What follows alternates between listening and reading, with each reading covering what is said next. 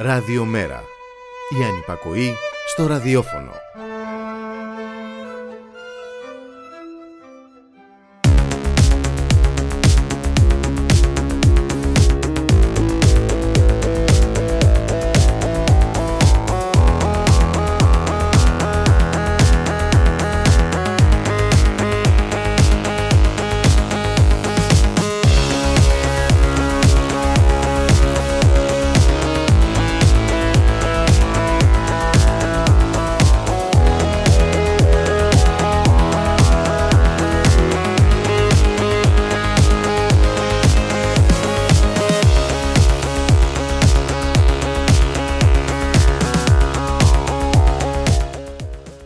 Γεια σας. Άλλο ένα παραλαφούσι σήμερα με την Πάολα Ρεβενιώτη. Στον ήχο ο Γιώργος ο Νομικός και στην αρχισυνταξία ο Τάκης ο Κουρκουρίκης.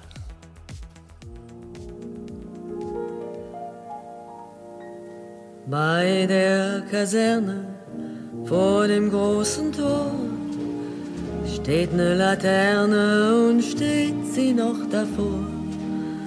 Da wollen wir uns wiedersehen. Bei der Laterne wollen wir stehen, wie einst Lili Marleen, wie einst Lili Marleen.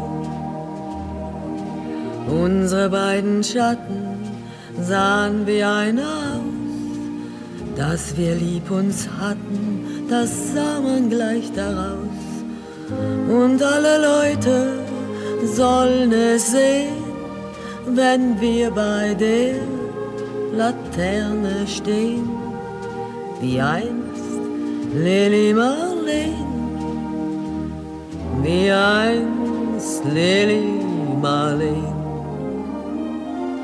Deine Schritte kennt sie, deinen schönen Gang alle Abend brennt sie, doch mich vergaß sie lang. Und sollte mir ein Leid geschehen, wer wird bei der Laterne stehen? Mit dir, Lili Marleen, mit dir, Lili Marleen. Aus dem tiefen Raume aus der der Grund hebt sich wie im Traume dein verliebter Mund. Wenn sich die späten Nebel drehen, wer wird bei der Laterne stehen? Mit dir, Lili Marleen, mit dir, Lili Marleen. Wenn sich die späten Nebel drehen, wer wird bei der Laterne stehen? Mit dir, Lili Marleen, mit dir, Lili Marleen.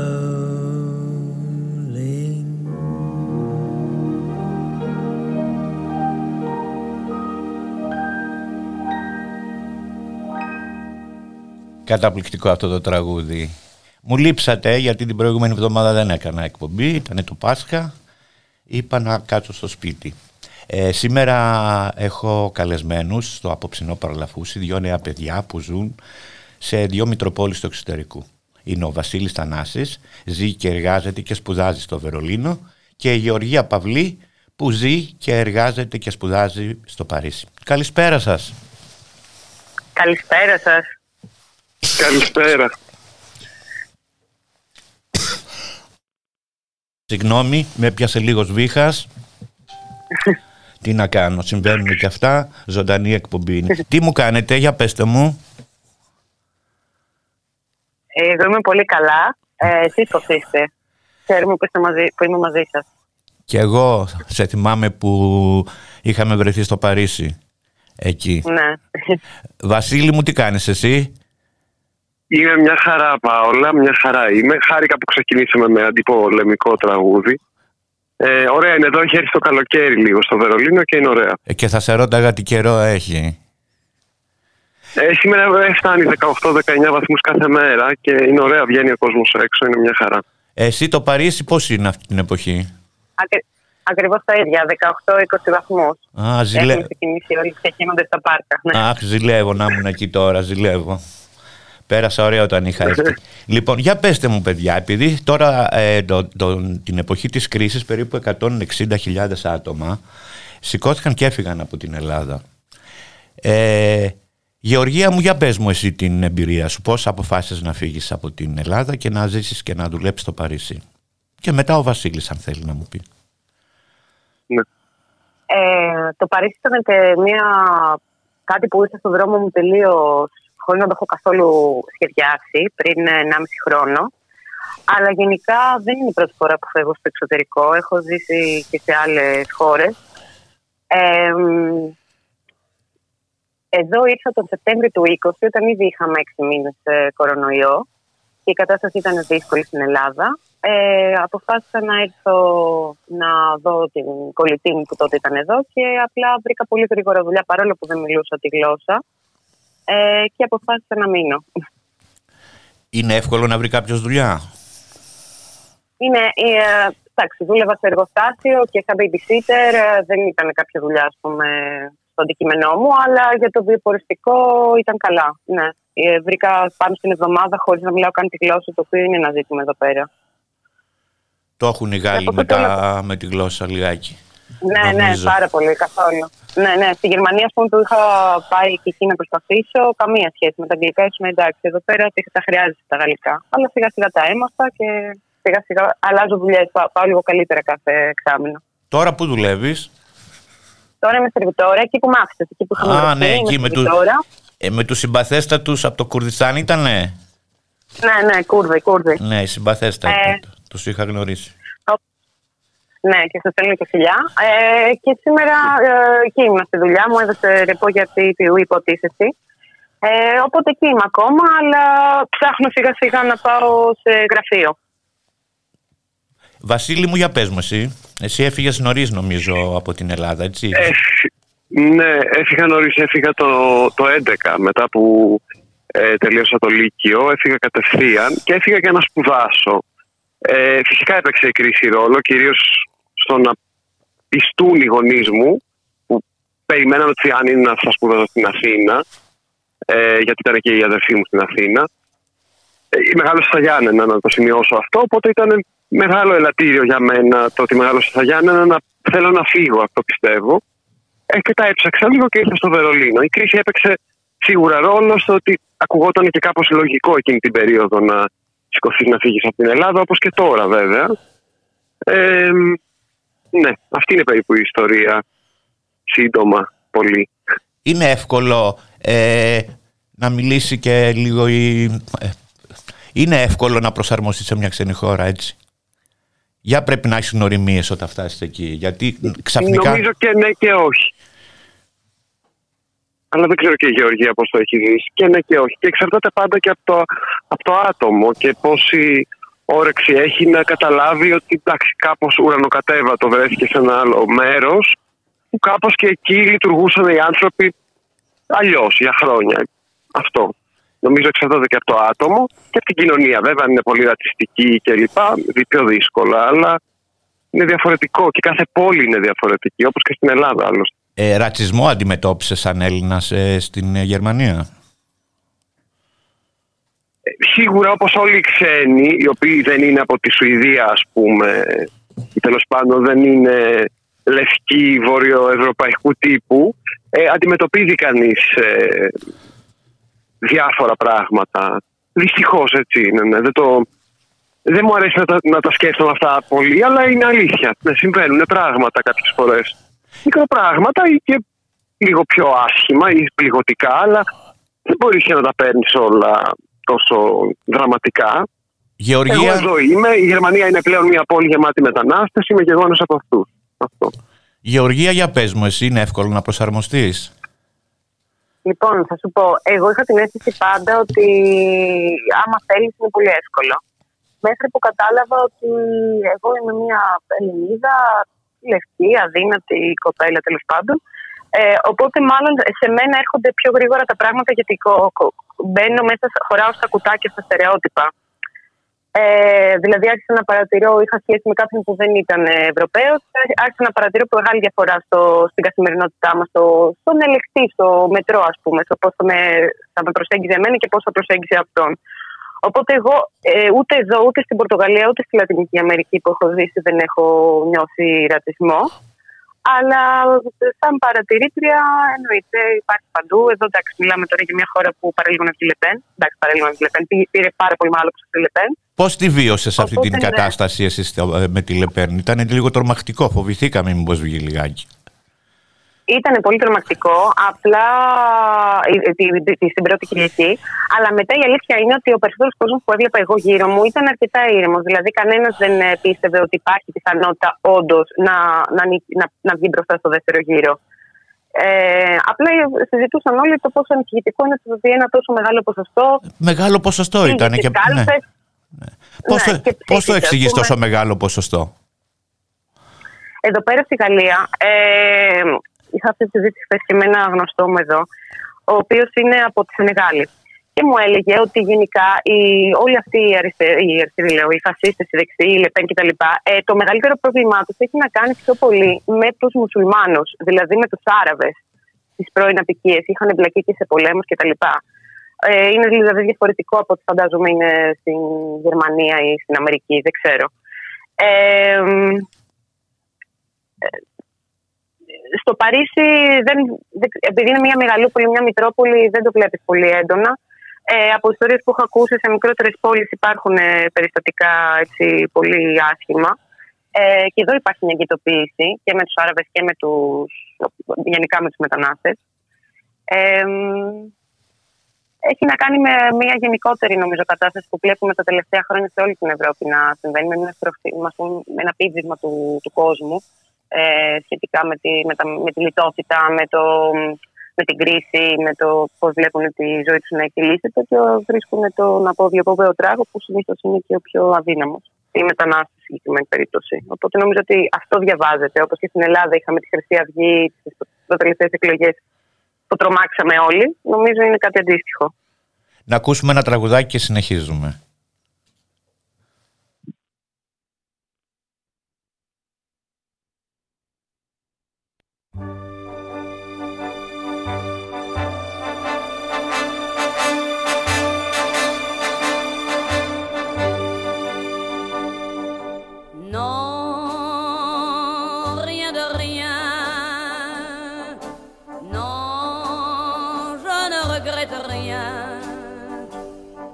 Bigger Bill.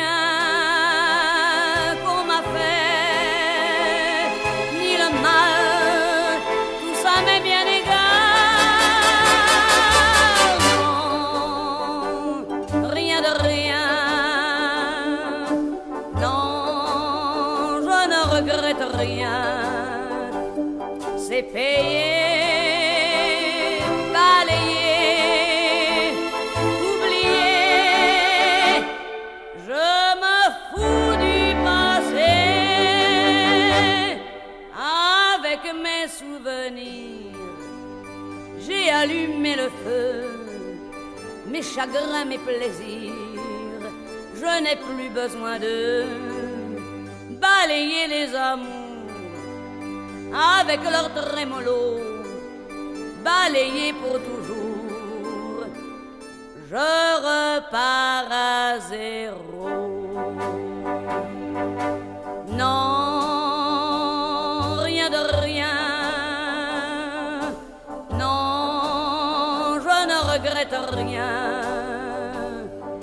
be.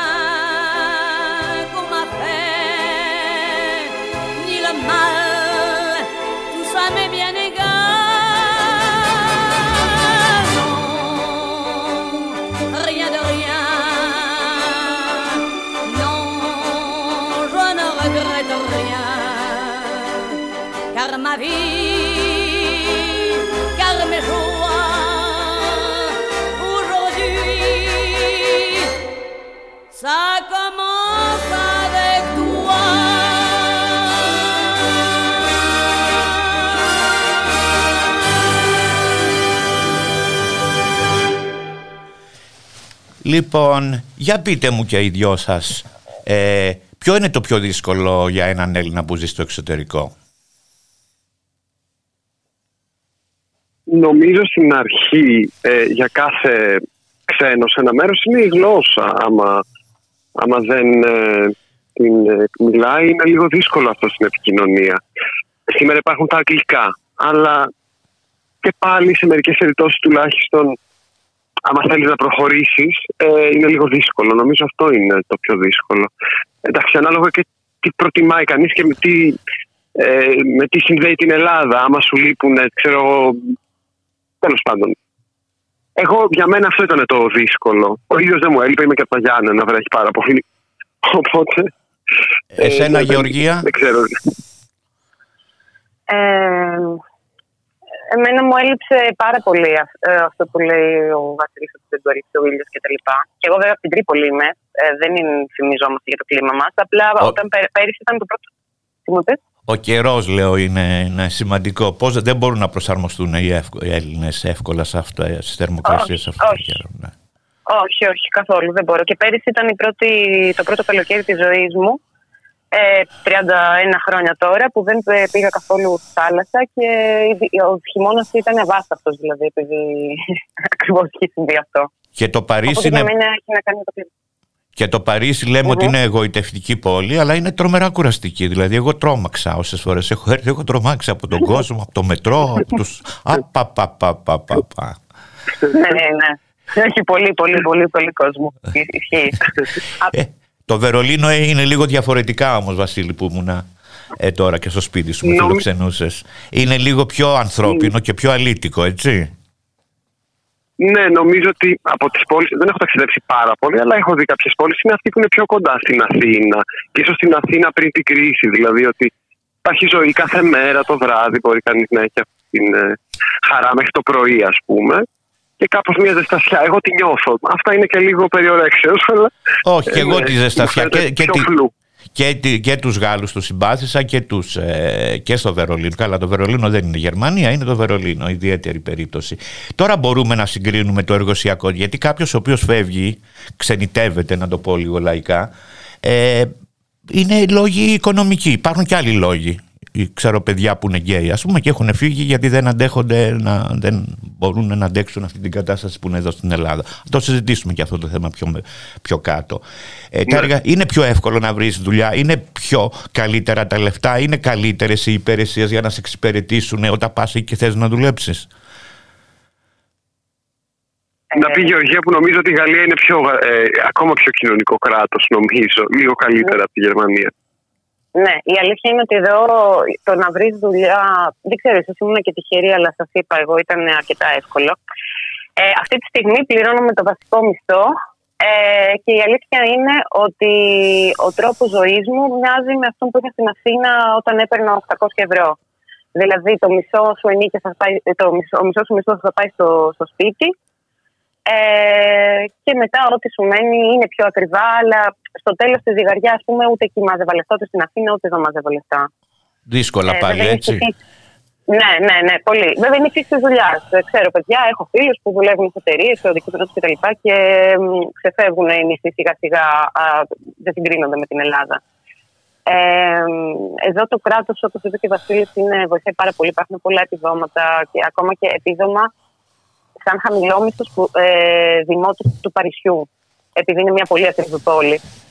Ε, το οποίο δεν συγκρίνεται με την Ελλάδα, αλλά η γραφειοκρατία, τι να σας πω και στους δύο, νομίζω ότι δεν υπάρχει χειρότερο πράγμα από εδώ πέρα. Δηλαδή, νομίζω ότι είμαστε. Και έρχομαι από την Ελλάδα, έτσι, δεν έρχομαι από την Σουηδία. Ε, δεν υπάρχει. Θέλει να έχει πολύ υπομονή. Όταν όμως το καταφέρεις, ε, ζεις καλύτερα. Αυτό. Βασίλη; Ε, νομίζω ότι είναι ε, το Βερολίνο σε σχέση με το Παρίσι, από αυτά που περιέγραψε η Γεωργία και όπως τα ξέρω, είναι λίγο καλύτερα ακόμη. Αλλά η αλήθεια είναι ότι μέχρι πριν 8-10 χρόνια ήταν μια πόλη που μπορούσες να δουλεύεις 20 ώρες την εβδομάδα, δηλαδή μια απασχόληση, και να έχεις ένα πάρα πολύ ωραίο σπιτάκι ή δωμάτιο με 100 ευρώ, 150, 180. Ήταν τρομερά οικονομικά τα σπίτια τότε στο Βερολίνο. Ενώ στο Παρίσι οι τιμέ ήταν πενταπλάσιε τότε, όταν mm-hmm. πρώτο ήρθα. Ναι, τα νίκια ε, είναι πανάκριβα. αυτό άλλαξε. Έγινε η, η Λέλαπα, όπως όλες τις Μητροπόλεις, της τουριστικοποίησης με τα διαμερίσματα που τα κάνανε μόνο για τουριστικούς σκοπούς. Και, και τέλος πάντων άλλαξε και η αγορά σαν ακίνητα στο Βερολίνο. Έδειξαν επενδυτέ πάρα πολλά χρήματα. Αυτό που γίνει στο Παρίσι πριν δεκαετίες και στο Λονδίνο και σε αυτές τις πόλεις και που γίνεται τώρα στην Αθήνα, βέβαια. Ναι. Και αυτά τα τρομακτικά σπίτια στο Παρίσι, εγώ κοιμόμουν σε ένα σπίτι στον έκτον όροφο και που για να ανέβω πάνω ήταν σαν να ανέβαινα στο Everest και έψαχνα να βρω το κρεβάτι. Είχε μια πολύ κυριλέ κουζίνα μέσα που έβλεπα και τον πύργο του Άιφελ, έτσι πολύ συμμαζεμένο, πολύ συμμαζεμένο σπίτι. Και λέω πού είναι το κρεβάτι, πού είναι το κρεβάτι. Και ξέρετε πού ήταν το κρεβάτι, στο ταβάνι. Είχαν βάλει μια τάβλα και ένα στρώμα. Ναι. Ναι, αυτό είναι ένα πρόβλημα εδώ πέρα. Η αλήθεια είναι ότι θα περιμένω τώρα τη μάνα μου να έρθει την άλλη εβδομάδα και δεν είμαι σίγουρη πώς θα το διαχειριστεί. Δεν νομίζω ότι μπορεί να καταλάβει τι σημαίνει 14 τετραγωνικά. Πόσο νίκη δίνεις για 14 ε, τετραγωνικά, Δεν είναι 720 ευρώ. 720 ευρώ, μάλιστα. Ναι, το μισό μισό μου δηλαδή ε, για τον νίκη. Ε, τον ελάχιστο στην Ελλάδα, το βασικό. Μπράβο, ναι, ναι, αυτό. Ε, και υπάρχουν και σπίτια, είχα μείνει πιο πριν επειδή ήμουν ακόμα δυσκολότερα, με 450 ευρώ και μιλάμε για τρία τετραγωνικά μέτρα και αυτό που λες, ένα κρεβάτι, μια τάβλα πάνω από το κεφάλι σου. Και αυτά τα πράγματα είναι νόμιμα, ας πούμε, να τα, να τα νοικιάζουν. Δεν είναι εύκολο, νομίζω, για έναν Έλληνα να το να εξοικειωθεί με όλο αυτό. Ε, ναι. δηλαδή, πάντα θα λες, και τι κάνουν εδώ πέρα σερβιτόρε στα 14 τετραγωνικά; Δεν πας στην Αθήνα να έχει 30 τουλάχιστον, κάπως έτσι. Για, γιατί όμως, για πες μου.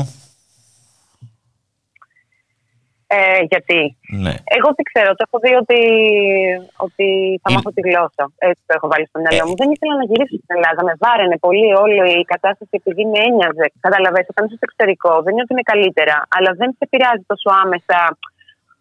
Είναι και ωραίο το Παρίσι τώρα, να λέμε και την αλήθεια. Είναι ωραίο να ζεις σε αυτή την πόλη. Έτσι. Καλά, δεν Εγωιτευτικό και έχει και έναν αέρα αμφισβήτησης. Πώς πώς να το κάνει. Ναι. Όπως και το Βερολίνο. Ναι, Σας ναι. ζηλεύω που μένετε εκεί. Η, η καθημερινότητά σας ποια είναι εκεί πέρα σαν Έλληνες; Έχετε σχέσεις με κόσμο, μιλάτε, έχετε φτιάξει με άλλους Γάλλου παρέες; Τώρα γιατί μας ακούνε και πολλά παιδιά που θέλουν να φύγουν ε, στο εξωτερικό, να πάνε σε άλλες χώρες. Τι θα τα συμβουλεύατε δηλαδή αυτά; Ε, θα μιλήσω για το Παρίσι, και νομίζω ότι αυτό ισχύει και στο Βερολίνο. Ε, είναι, επειδή ακριβώς είναι Μητρόπολη, έχει κόσμο από παντού. Ε, άμα θέλεις να, να, να βρεις κόσμο, θα βρεις κόσμο. Δηλαδή και να χτίσετε και σχέσεις που θα στηρίξετε ο ένας τον άλλον, γιατί υπάρχουν πάρα πολλοί μετανάστες που είναι στην ίδια θέση με σένα. Τώρα, για να κάνεις παρέα με ντόπιους είναι λίγο πιο δύσκολο, γιατί εσύ τους έχεις ανάγκη, αυτοί όχι. Αυτοί έχουν την παρέα τους από το σχολείο, από το πάντα, έχουν τη δουλειά τους, την οικογένειά τους. Ε, δεν θα ανατρέξουν σε σένα στο πρώτο τους πρόβλημα, ας πούμε. Αλλά σιγά σιγά χτίζεται και αυτό μέσα από τη δουλειά, μέσα από τα χόμπι, ανάλογα ο καθένας. Δεν ξέρω στο Βερολίνο mm. πώς το νιώθεις. Για πες μου, Βασίλη. Για μένα νομίζω έπαιξε, έπαιξε ρόλο ότι έκατσα χρόνια και δεν έφυγα. Είμαι τώρα σε αυτά τα χρόνια, μόνο ένα μικρό διάστημα πριν τον κορονοϊό. Κάποιους μήνες ήμουν στην Αθήνα και ήταν πολύ ωραία βέβαια. Και αυτά τα χρόνια σταδιακά ε, μάζεψαν κάποιους κοντινούς ανθρώπους που είναι είτε από εδώ, είτε, ε, από, είτε Γάλλοι, είτε από άλλα μέρη. Εντάξει, εγώ ούτως ή άλλως δεν είμαι και τόσο κοινωνικός.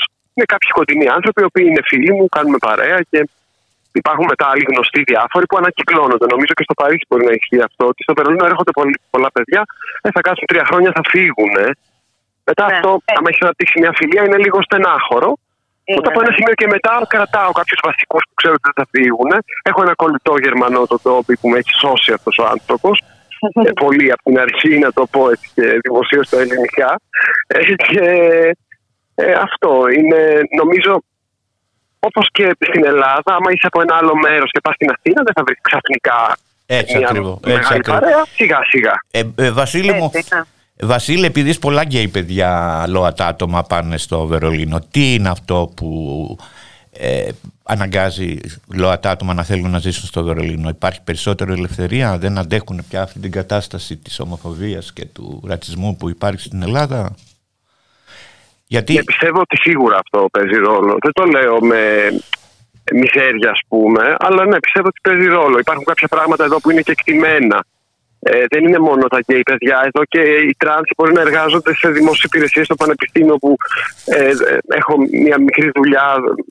Υπάρχει μια κυρία που είναι τρανς και δουλεύει στα, στο τμήμα το τεχνικό, στα, ε, τέλος πάντων στους, με τους ήχους, του προτζέκτορου και αυτά.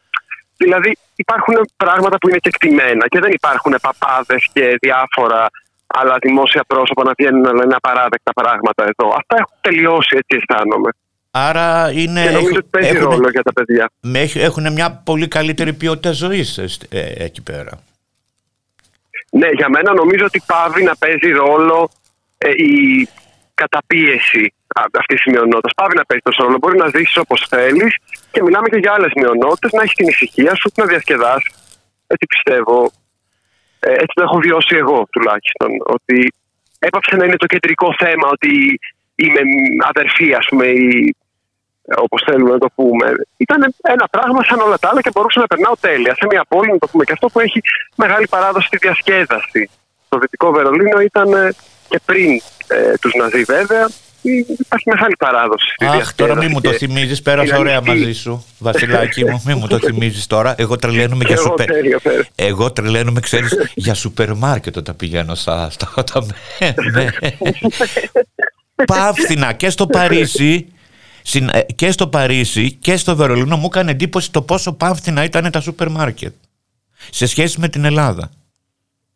Αυτό είναι εξωφρενικό το να σκέφτεσαι ότι το σούπερ μάρκετ σε μια χώρα που έχει σχεδόν διπλάσιο κατώτατο μισθό είναι πιο φθηνό, δεν είναι; Εγώ ναι. θα πάω σοκ στην αρχή, δεν μπορούσα να το διανοηθώ. Δηλαδή με 20 ευρώ γέμιζα ένα ψυγείο. Μου ναι. τρο... και, ναι, και, ναι. και, με ποιοτικά πράγματα, όχι δεύτερα. Ναι, να, ναι, ναι, ναι. Να ακούσουμε ένα τραγουδάκι και να συνεχίσουμε. Ναι, ναι. Ωραία.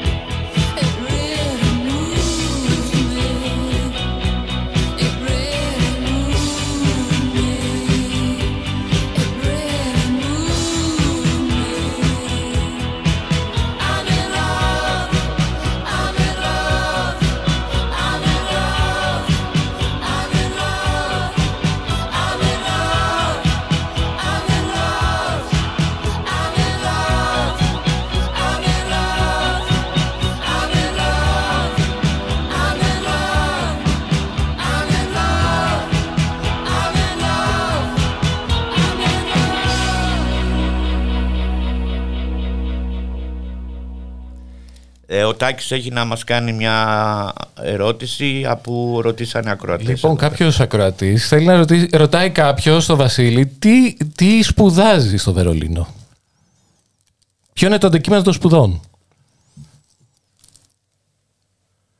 Ακούγομαι. Ναι, ναι. Ναι, ναι. Ε, τώρα κάνω ένα μεταπτυχιακό gender studies, σπουδές Ω. φίλου. Πέσαμε στην ναι, και περίπτωση. είναι πολύ. Πολύ... ναι, ήρθε ο Τέντζερ και βρήκε το καπάκι. Ναι, και μου αρέσει πολύ και εντάξει, είχα ξεκινήσει και πιο πριν να σπουδάζω αυτά.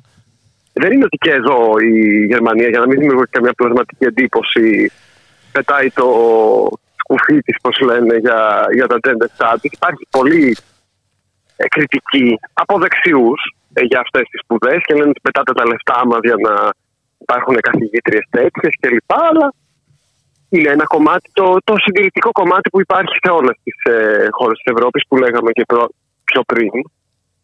Ναι, αλλά αυτός σπουδάζω. Λοιπόν, υπάρχει η εξής ερώτηση. Ε, αν δεν ήταν η κρίση, ε, θα φεύγατε ούτως ή άλλως από την Ελλάδα; Θεωρείτε ότι ισχύει αυτό που λένε ότι η Ελλάδα τρώει τα παιδιά της; Αυτό απευθύνεται και στους δύο βεβαίως. Η ερώτηση. Θες να πεις Γεωργία, εσύ πρώτη; Γεωργία, ναι, ναι, ναι, να μας πει η Γεωργία. Ε, εγώ νομίζω, παιδιά, ότι ναι, θα έφευγα. Καταρχάς, όταν πρώτο έφυγα, ε, επειδή έρχομαι από μια οικογένεια που ήταν έτσι.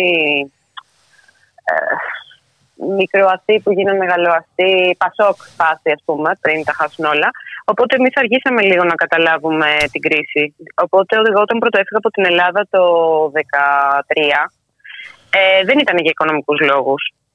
Ε, απλά στην Ελλάδα αισθανόμουν πάντα ότι μ, είχα περιορισμένες προσλαμβάνουσες. Δηλαδή ήθελα να γνωρίσω περισσότερο, ε, πιο διαφορετικό κόσμο. Και επειδή ήμουν από την Τρίπολη και σπούδασα στη Θεσσαλονίκη, δεν είχα ζήσει Αθήνα, μου έλειπε πάρα πολύ αυτό.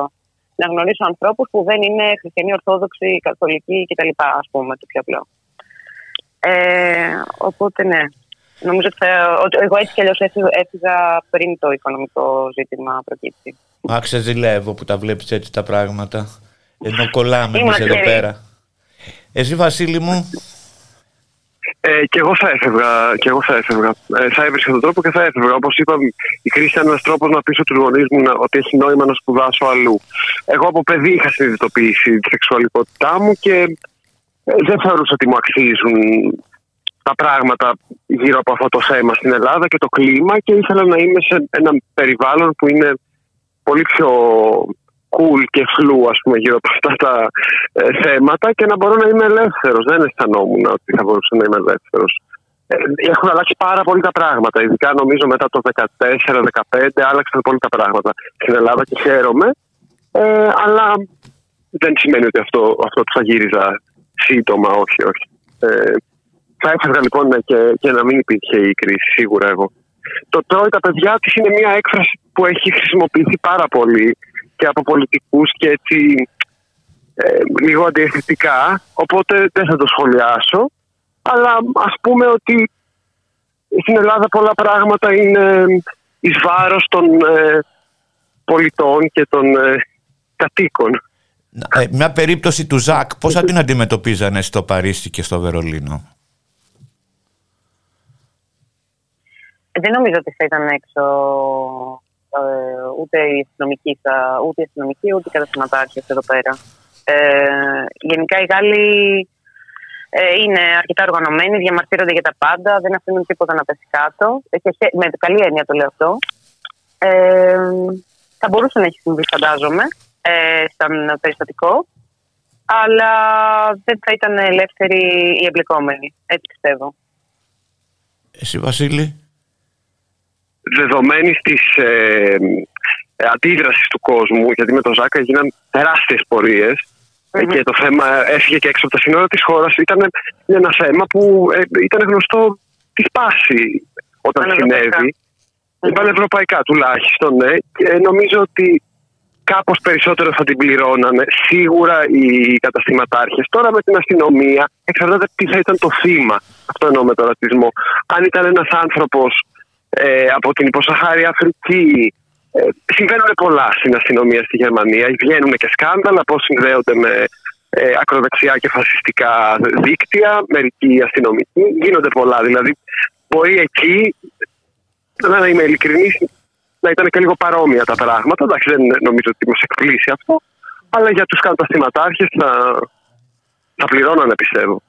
Ε, ε, θα, θα, θα τιμωρούν. Να σας πω, στο θέμα εδώ πέρα υπάρχουν εργοδότες που συμπεριφέρονται πολύ κακοποιητικά σε εργαζόμενους, κυρίως σε κοπέλες, γενικά έτσι. Ε, στην Γερμανία και στο Παρίσι σέβονται τους εργαζόμενους. Έχει δίκαιη ε, μεταχείριση.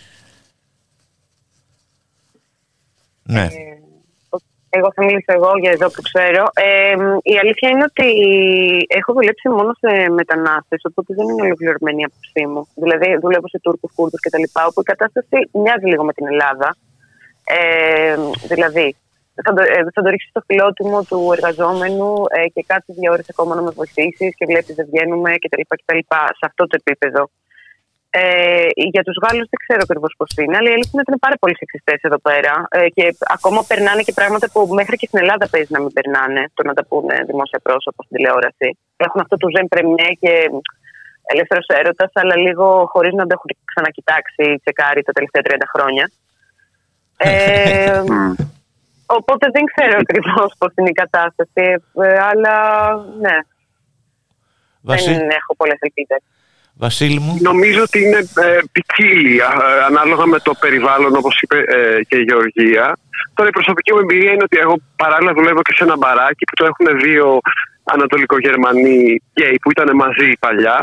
Ε, και όσο όποια παιδιά δουλεύουν στην εστίαση τους περιγράφω το περιβάλλον μου λένε εντάξει τώρα τέτοιες συνθήκες είναι πραγματικά εξαιρετικές.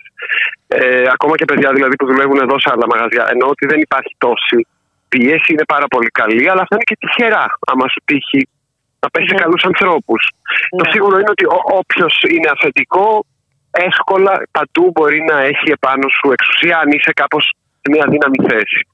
Οπότε νομίζω ότι συμβαίνουν και εδώ αυτά, αλλά υπάρχουν και κάποιες νομικές ασφαλιστικές δικλείδες. Αν μιλάμε για μεγάλες εταιρείες ή για δημόσιο τομέα, εκεί μπορεί να πας στο τάδε γραφείο που είναι για την προστασία, ειδικά για τις ε, γυναίκες, αν υπάρχει εννοώ ε, σεξουαλική κακοποίηση, παρενόχληση κλπ.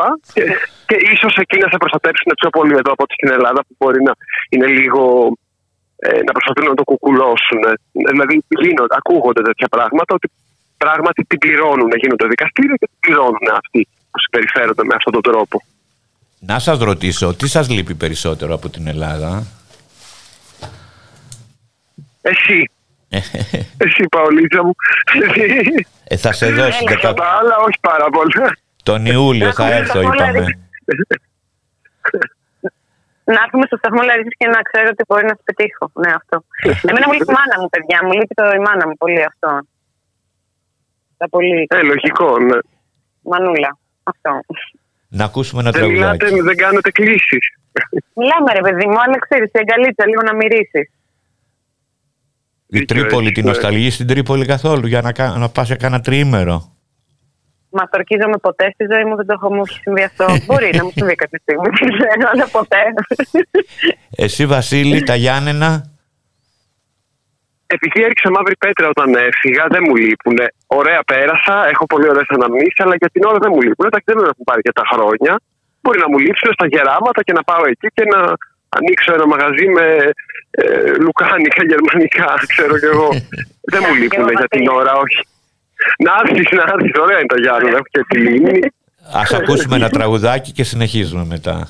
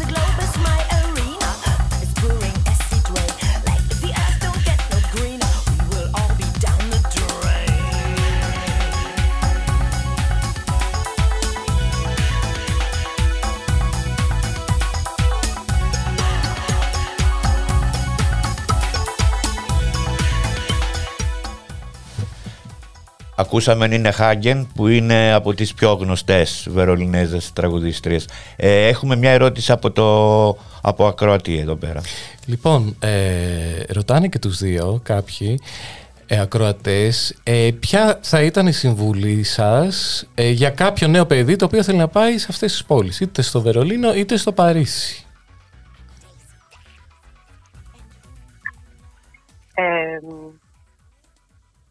Μ' ακούτε; Ναι, ναι. ακούμε βέβαια. Α, συγγνώμη. Λοιπόν, να, εγώ θα, το, θα έλεγα σε όποιον σκέφτεται την έρθει στο Παρίσι να ε, μπει στα κάποιο group ε, στα facebook σε όλα αυτά που με Έλληνες που είναι εδώ και να ξεκινήσει τη διαδικασία των χαρτιών από πριν έρθει εδώ πέρα. Γιατί παίρνει πάρα πολλούς μήνες. Δηλαδή άμκα ε, κτλ. Να τα έχει ξεκινήσει τη διαδικασία από πριν έρθει εδώ πέρα. Αυτό. Επειδή αριθμούν πάρα πολύ όλα. Μιλάμε για 9 μήνες τώρα. Βασίλη. Ε, θα έλεγα να μάθουν γερμανικά σε ένα επίπεδο Β1 ε, να έχουν σκεφτεί καλά ότι όντως θέλουν να φύγουν, γιατί μπορεί να τους φέρουν δύσκολα τα πράγματα. Και αν μπορούν μέσα ναι, και από αυτή τη σελίδα στο Facebook Greek Berliners και από προσωπικά τους ε, δίκτυα με, με καλούς ανθρώπους όμως, για να μην τους εκμεταλλευτούν, να βρουν ένα δωμάτιο. Γιατί είναι δύσκολο τώρα να βρεις ε, σπίτι ως καινούριο άτομο. Και μετά όταν έρθουν, να προσέχουν να μην ε, καταστραφούν. Γιατί το Βερολίνο είναι και μια πόλη που καταστρέφεται αρκετός κόσμος. Ναι, ναι, ε, να, να ξέρουν δηλαδή ότι δεν ήρθαν για να. Μπορεί και βέβαια να το θέλουν αυτό. Δεν είμαι, είμαι πολύ σε αυτά. Έχει καθένας το δικαίωμα να κάνει ό,τι θέλει. Ε, είναι ξεμιαλίστρα το Βερολίνο. Να είναι ξεμιαλίστρα το Βερολίνο και πολλοί μπορεί να την πατήσουν. Ε, ε, η νυχτερινή ζωή πώς είναι και στις δύο πόλεις, έτσι; Για πέστε μου, Γεωργία, για το Παρίσι και μετά Βασιλάκη για το σεξ λοιπόν, Βερολίνο. Δεν είμαι, δεν ήμουν πολύ του, δεν είμαι πολύ των πάρτι και των κλαμπ. Ε, έχει πολύ την κουλτούρα του μπάρ όπως στην Αθήνα και γι' αυτό αισθάνομαι και πάρα πολύ οικία. Ε, και σκεφτείτε ότι και οι τιμές ακόμα στα ποτά, στα μπάρ τα εθνικιακά είναι σαν την Αθήνα. Οπότε γνωρίζεις πάρα πολύ εύκολα κόσμο. Οι άλλοι είναι πολύ κοινωνικοί, μιλάνε στον δίπλα, στον παραδίπλα, στον άλλον. Ε, Άρα γενικά δεν μου έχει λείψει, ας πούμε, που ξέρω άλλους ανθρώπους που μένουν σε πιο βόρειε χώρες λοιπά, Ότι είναι πολύ μοναστικά, δεν γνωρίζω κόσμο, δεν το βράδυ, ας πούμε. Εδώ νιώθω ότι μοιάζει αρκετά με την Αθήνα. Αυτό. Βασίλη; Ναι, πολύ παρόμοια είναι η εικόνα και για το Βερολίνο σε σχέση με τη νύχτα, όπως είπε και η Γεωργία για το Παρίσι. Ε, και οι τιμές απλά είναι και λίγο ακόμη χαμηλότερες από ό,τι στην Αθήνα σε πολλές ναι. περιπτώσεις. Και σε πολύ ωραία μαγαζιά, όχι ό,τι να είναι. Πολύ ωραία μαγαζιά με ενδιαφέροντα κόσμο από πολλά μέρη. Αυτό. Παντού είναι... Και δεν υπάρχει και τέλος. Δηλαδή δεν κλείνουν τα μαγαζιά. Είναι ανοιχτά μέχρι το πρωί. Αυτό είναι κάτι ιδιαίτερο νομίζω. Παντού είναι πάντως πιο φτηνά από την Ελλάδα και, στο, και στη Βαρκελόνη που ήμουνα πήραμε δύο ποτήρια κρασί και μία κοκακόλα, τρία ευρώ. Ναι. παντού είναι, είναι και η φορολογία σε αυτά. Ναι. Είναι πολύ μεγάλη η φορολογία στην Ελλάδα σε αυτά. Στην Ελλάδα, ναι. Και σχροκέρδια παράλληλα επίσης, έτσι. Τι απομυθοποιήσατε σε αυτές τις πόλεις, εσύ το Βερολίνο και η Γεωργία το Παρίσι. Εντάξει, εγώ ήμουν πολύ μικρό όταν ήρθα και νόμιζα ότι θα βρω εδώ την ε, ουτοπία. Εντάξει, δεν είναι ουτοπία, γι' αυτό λέμε ουτοπία. Είναι ένα πολύ πολύ ωραίο μέρος που δεν θέλω να φύγω ακόμη μετά από. Είναι 11 χρόνια τώρα. Και ούτε πρόκειται ε, να φύγεις, Βασίλη. Μου. Ναι. να είμαστε καλά. Ε, αυτό μόνο εγώ απομυθοποίησα. Κατά τα άλλα, όχι μόνο έμαθα, δεν απομυθοποίησα, ούτε απογοητεύτηκα. Φυσικά, όταν απομυθοποιήσει στην αρχή, λίγο λες, Αχ, ε, δεν είναι αυτό που. Αλλά δεν υπάρχει τέλειο μέρος. Συζητάω με ανθρώπους από διάφορα μέρη και λέω: Όχι, στο Βερολίνο θα κάτσω, δεν πάω πουθενά. Μια χαρά. Εσύ, Γεωργία; Εγώ θα σας πω, επειδή το Παρίσι είναι έτσι και η πόλη της φωτός και η πόλη της μόδας και τον έχουμε στο μυαλό μας σαν κάτι πολύ ε, lux, ε, δεν είναι έτσι. Είναι πολύ δύσκολο. Είναι πολύ ακριβά τα πράγματα, είναι πολύ μικρά τα σπίτια. Δηλαδή, okay, μπορεί να βλέπεις αυτό που, όπως εσύ και που σε φιλοξένησα, να βλέπεις τον πύργο του Άιφελ, αλλά ξέρω εγώ, μαγειρεύεις και κάνεις μπάνιο μέσα σε δύο τετραγωνικά. Είναι... Ε, ναι, όχι, όχι, συνέχισε, συνέχισε. Αυτό. Δηλαδή και κόσμος που ξέρω που έχει, είναι από εδώ και δουλεύουν και έχουν πιο άνετα σπίτια. Μιλάμε τώρα ότι ο άλλος έχει 40 τετραγωνικά σπίτι και το θεωρεί ευκαιριάρα ότι είμαι πάρα πολύ άνετος, θα κάνω και παρτάρες. Ε, αυτό, αυτό. Οπότε γενικά βλέπω ότι οι Γάλλοι είναι έτσι ωραίοι, ντύνονται, αυτός τους αρέσει, βγαίνουν τις βόλτες, πίνουν τους καφέδες, τους τρώνε τις μπαγκέτες και τα μακαρόν τους. Αλλά μετά να ξέρουμε όλοι ότι γυρνάνε σε κάτι τρύπες, ας πούμε, για να κινηθούν. Ε, αυτό είναι ε, για τους Αριδιάνου ισχύει. Είναι, είναι, είναι ερωτικοί οι Γάλλοι; Είναι ερωτική είναι. Και, και η Γαλλία. Είναι, είναι, είναι. είναι πάνω. και εγώ έμπαινα στα μετρό και έβγαινα εκνευρισμένη μετά. Ναι, από την ναι, ταραχή ναι, μου. Και, και, το, και, το, και το κακό είναι ότι σε προκαλούν. Δηλαδή όταν, τους, όταν καταλάβουν ότι τους κοιτάξεις θα, θα παίξουν μαζί σου. Είναι πολύ ερωτική. Είναι. Εδώ στην Ελλάδα είναι, τα έχουμε είναι, χάσει αυτά. Αυτό το, και στο Βερολίνο νομίζω ότι είναι έτσι, Βασίλη μου. Έτσι είναι, η, κρατάει αυτός ο ερωτισμός και αυτή η κάβλα ακόμη. Εδώ στην Ελλάδα δυστυχώς η Αθήνα είναι, τι να σας πω τώρα, ε, έρημος Καλαχάρη. Ναι. Για πέστε μου κρατάει νομίζω, απλά είναι διαφορετικό. Νομίζω στο Παρίσι είναι πάρα πολύ έντονο αυτό ότι μπορείς να γνωρίσεις ανθρώπους στον δρόμο με τα μάτια και να ε, συνεχιστεί αυτό και, και σε straight το έχω ακούσει δηλαδή. Ναι. Ε, να γνωρίζονται στον δρόμο. Ενώ στο, το Βερολίνο έχει συγκεκριμένα μέρη που εκεί είναι πραγματικά διάχυτος ο ερωτισμό, είτε έξω είτε μαγαζιά ας πούμε. Αλλά ναι, είναι ιδιαιτερότητα του Παρίσι νομίζω. Αυτό και είναι πολύ ωραίο. Να σας πω, ναι. να σας πω, είσαστε νέα παιδιά ακόμη και ένα, εγώ ποτέ μου δεν... Ε, ε, ε πώς να σας πω, δεν μιζεριάζω επειδή μεγαλώνω στην ηλικία. Ένα πράγμα όμως που ε, ζηλεύω τα νέα παιδιά είναι το ότι μπορούν να ρισκάρουν ρε παιδί μου. Θα μπορούσες, ας πούμε, ξαφνικά να πεις εντάξει, δεν γουστάρω το Βερολίνο, θα πάω σε άλλη χώρα να έχω άλλες εμπειρίες, να γνωρίσω άλλους ανθρώπους. Το λέω και στη Γεωργία αυτό το πράγμα. Θες, Γεωργία, να μιλήσεις πρώτη. Ναι. Ε, νο, ε, πριν κάποια χρόνια με είχε πιάσει λίγο να σηκωθώ να φύγω ε, για να δοκιμάσω κάτι άλλο και να ξαναγυρίσω. Ε, τώρα όχι, για να εγκατασταθώ κάπου αλλού δεν το έχω στο, στα σχέδιά μου, όχι. Ε, μια χαρά είμαι, μου αρέσει πάρα πολύ εδώ. Για ένα διάστημα 4-5 μήνες θα πήγαινα κάπου. Αλλά όχι, όχι. Ε, ε, σε καταλαβαίνω ε, ε απόλυτα, δεν Βασίλη. Υπάρχει κάτι καλύτερο. Είναι μια χαρά. Γιατί να, να μπω σε αυτή τη διαδικασία. Μπήκα όταν ήμουν πολύ μικρός. Ήταν αρκετά κουραστικό στην αρχή. Είναι όλα μια χαρά. Τώρα γιατί να πάω; Ωραία είναι εδώ πολύ. Ε, σε καταλαβαίνω γιατί σε έζησα λίγο εκεί πέρα. Ε, για πες μου Γεωργία μου. Εγώ, παιδιά, δεν είμαι, είμαι το, δεν είμαι σαν εσάς. Δηλαδή, αυτό που λες, αν θα το κάναμε, αυτό στην ουσία κάνω την τελευταία δεκαετία της ζωής μου. Δηλαδή, πάω κάπου, περνάω τέλεια, μετά πρέπει να φύγω, πάω κάπου αλλού. Οπότε είμαι στο άλλο τώρα. Εγώ θέλω να βρω αυτό που έχετε εσείς. Αυτό που έχει ο Βασίλης στο Βερολίνο, που έχει εσύ στην Αθήνα. Θέλω να έχω ένα σπίτι που να βάλω μέσα τα βιβλία μου και μία γάτα και να ξέρω ότι εδώ είναι το σπίτι μου. Αυτό μου έχει λείψει. Θα ξανά φεύγα. Θα ξανά φεύγα πιστεύω, αλλά πολύ πιο δύσκολα από ό,τι παλιά. Μια κοσμοπολίτης από την Τρίπολη. Ναι, αυτό. να, σας κάνω, να σας κάνω και μια σοβαρή ερώτηση τώρα. Ε, τα επιδόματα, δηλαδή α, α, αυτές οι πόλεις, οι οποίες το Παρίσι είναι μια πόλη η οποία είδα και πολύ φτώχεια, είδα και πολλούς άστεγους, είδα και σε σίτια να ναι. μοιράζουν, όπως και στο Βερολίνο. Δηλαδή μου κάνει εντύπωση μέσα στο κρύο, που με πήγες εσύ βόλτα Βασίλη μου, μου έκανε εντύπωση μέσα στο κρύο, μέσα στη βροχή, να κάθονται οι γυναίκες να δουλεύουν σε ένα σκοτεινό δρόμο δηλαδή. Άρα σημαίνει ότι ναι. υπάρχει και εκεί κρίση οικονομική, έτσι σε αυτά, τα, θέματα, σε αυτά τα θέματα. Αλλά υπάρχει κόσμος, δηλαδή που εγώ είμαι τρανς ας πούμε και χρειάζομαι ανάγκη, δεν, δεν μπορώ να βρω δουλειά. Ε, θα μπορέσω να έχω ένα επίδομα για να μπορώ να ζήσω, να μην αναγκάζομαι να βγαίνω στον δρόμο ή οποιοδήποτε άλλος που δεν είναι τρανς, ένας οποιοδήποτε άνθρωπος.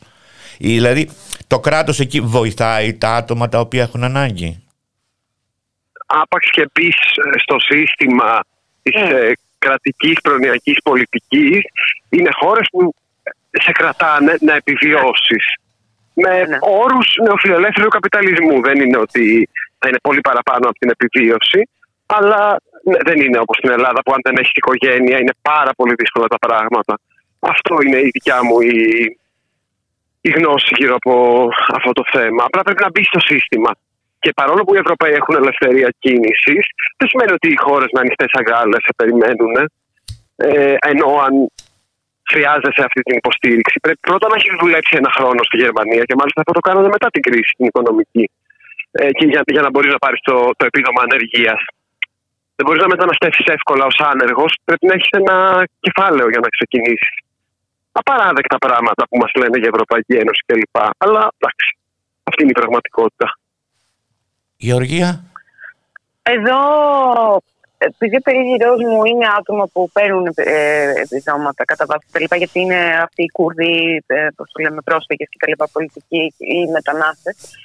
Ε, νομίζω ότι αυτό που λέει ο Βασίλης και που είπα και εγώ πριν, άπαξ και καταφέρεις και μαζέψεις όλη τη χαρτούρα και κλείσει το ραντεβού και πας και τα δώσεις, αν το καταφέρεις αυτό, ε, που εκεί βέβαια για πολλούς, γιατί όταν είσαι και από μια χώρα που μπορείς να μην έχεις τελειώσει το σχολείο και έχεις και τρία παιδιά, ε, σε τρομάζει όλο αυτό το, όλο αυτό το, όλο αυτό το κατασκεύασμα, δεν, σε αποθαρρύνει από το να πας να το ζητήσεις. Αλλά τέλος πάντων, άμα τα ξεπεράσει όλα αυτά και το καταφέρεις, μετά με τα βασικά μένα, αλλά δεν θα σε πετάξει έξω. Νομίζω ότι για ναι. οποιοδήποτε άνθρωπο θα ναι, μπορεί να, να βρει μια βοήθεια από το κράτος και που να, τουλάχιστον να επιβιώνει και να μείνει στον mm. δρόμο.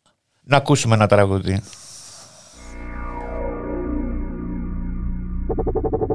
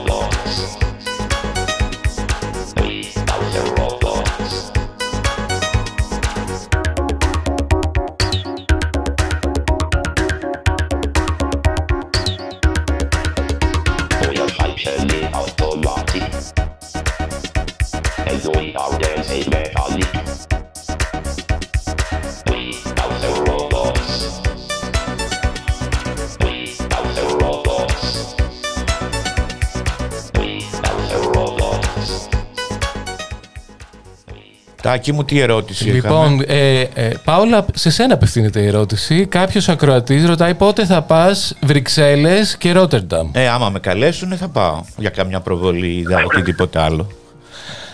Ωραία είναι.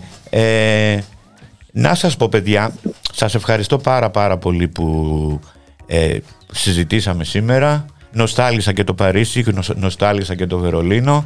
Ε, θέλετε να πείτε κάτι τελευταίο; Και οι δυο σας. Εγώ θέλω να σου πω την άλλη. Α, συγγνώμη, δεν με πες να Όχι, δεν έχω προετοιμάσει, αυτό ήθελα να πω. Σωστό. Ενώ Και εγώ ευχαριστώ εννοείται και ήθελα να σου πω την άλλη φορά που θα εδώ ε, να μείνεις παραπάνω, να έρθεις να μείνεις και στη δική μου τη γειτονιά. Θα περιμένει ο καναπές μου, όπως έχω πει και στον Κοστέλ. το είχα κάνει και post αυτό για τον Κοστέλ. και, ο... και ο Κοστέλ τώρα ο Κοστέλ τώρα είναι στην Κοπεχάγη και μου λέει ότι χαίρεσε να πηγαίνεις στις δημόσιες υπηρεσίες αλλά δεν αντέχει τον καιρό, δεν αντέχει Το κλίμα δεν αντέχει τίποτε, δεν αντέχει και τους Δανούς λέει. Είναι πολύ ρατσιστές απέναντι στους μελαχρινούς. Λοιπόν, ελπίζω να τα ξαναπούμε και από κοντά. Να είσαστε καλά. Σας ευχαριστώ που μας ναι. ακούσατε και σήμερα. Καλό σας βράδυ παιδιά και σε όλους σας. Καλό βράδυ. Καλό βράδυ. Γεια